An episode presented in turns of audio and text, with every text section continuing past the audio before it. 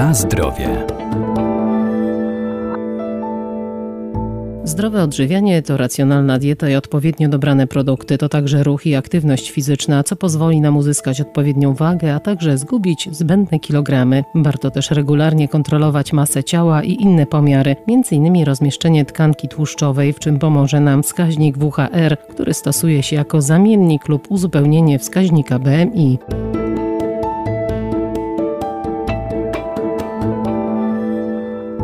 Wskaźnik WHR to stosunek obwodu talii do obwodu bioder. Zalecany jest zwłaszcza osobom z nadmierną wagą ciała, gdy wskaźnik masy, czyli BMI, przekracza 25. Pomaga on określić rozmieszczenie tkanki tłuszczowej i ocenić typ otyłości. Dodatkowo może potwierdzić to, czy mamy do czynienia z otyłością, czy też z osobą wysportowaną. Bardzo popularnym i dobrym wskaźnikiem dla dietetyków jest wskaźnik WHR. Można zdefiniować to po prostu jako stosunek obwodu talii do obwodu bioder dietetyk Maciej Pokarowski, Uniwersytet Medyczny w Lublinie. No i określa on rozmieszczenie tkanki tłuszczowej w organizmie człowieka. Natomiast też jeśli chodzi o ten wskaźnik i jego wartości, na początku powinniśmy korzystać z BMI, natomiast później z, ze wskaźnika WHR. Z tego też względu, że jeśli mamy nieprawidłowy wynik BMI, czyli wskazujący na nadmierną masę ciała, to wówczas ten wskaźnik WHR może nam potwierdzić, czy rzeczywiście rozmieszczenie tej tkanki tłuszczowej w organizmie jest zbyt duże, czy po prostu jeśli chodzi o wskaźnik BMI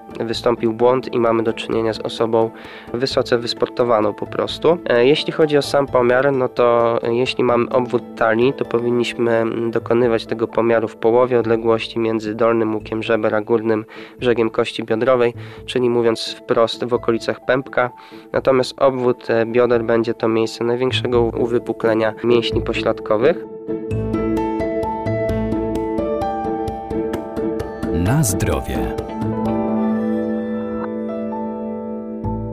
Otyłość typu jabłko oznacza otyłość brzuszną, zwiększa ryzyko wystąpienia chorób układu krążenia czy nadciśnienia, zaś typ gruszka to otyłość pośladkowo-udowa, może powodować pojawienie się żylaków czy zwyrodnienia stawów. Interpretacja wyniku różni się w zależności od płci. Jeśli chodzi stricte o wyniki, no to wskaźnik większy bądź równy 0,85 u kobiet będzie wskazywał na otyłość tak zwaną typu jabłko, czyli otyłość brzuszną. W przypadku mężczyzn będzie to wartość większa bądź równa 1. Jest to charakterystyczny typ otyłości, można powiedzieć w cudzysłowie z takim brzuszkiem, czyli jest po prostu widoczna z zewnątrz ta nadmierna masa ciała, no i ta tkanka tłuszczowa właśnie w okolicy brzucha będzie się kumulować. Jeśli mamy wskaźnik poniżej 0,85 u kobiet i poniżej 1 u mężczyzn, wówczas mamy otyłość pośladkowo-udową, czyli ta tkanka tłuszczowa ma tendencję do odkładania się szczególnie na mięśniach pośladkowych oraz w okolicach ud. Wskaźnik WHR powinien być stosowany u osób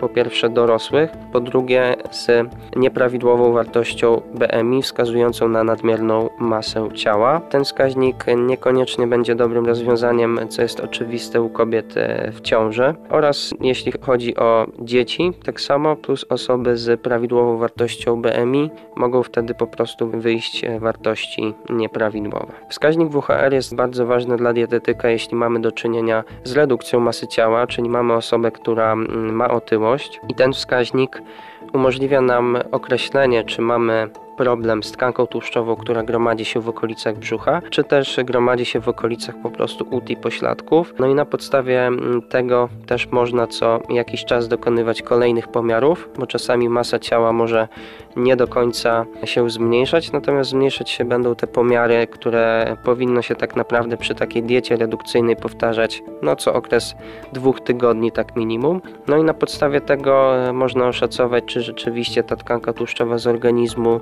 jest niwelowana, czy po prostu masa ciała i te zmiany w środku, w składzie ciała nie następują w ogóle.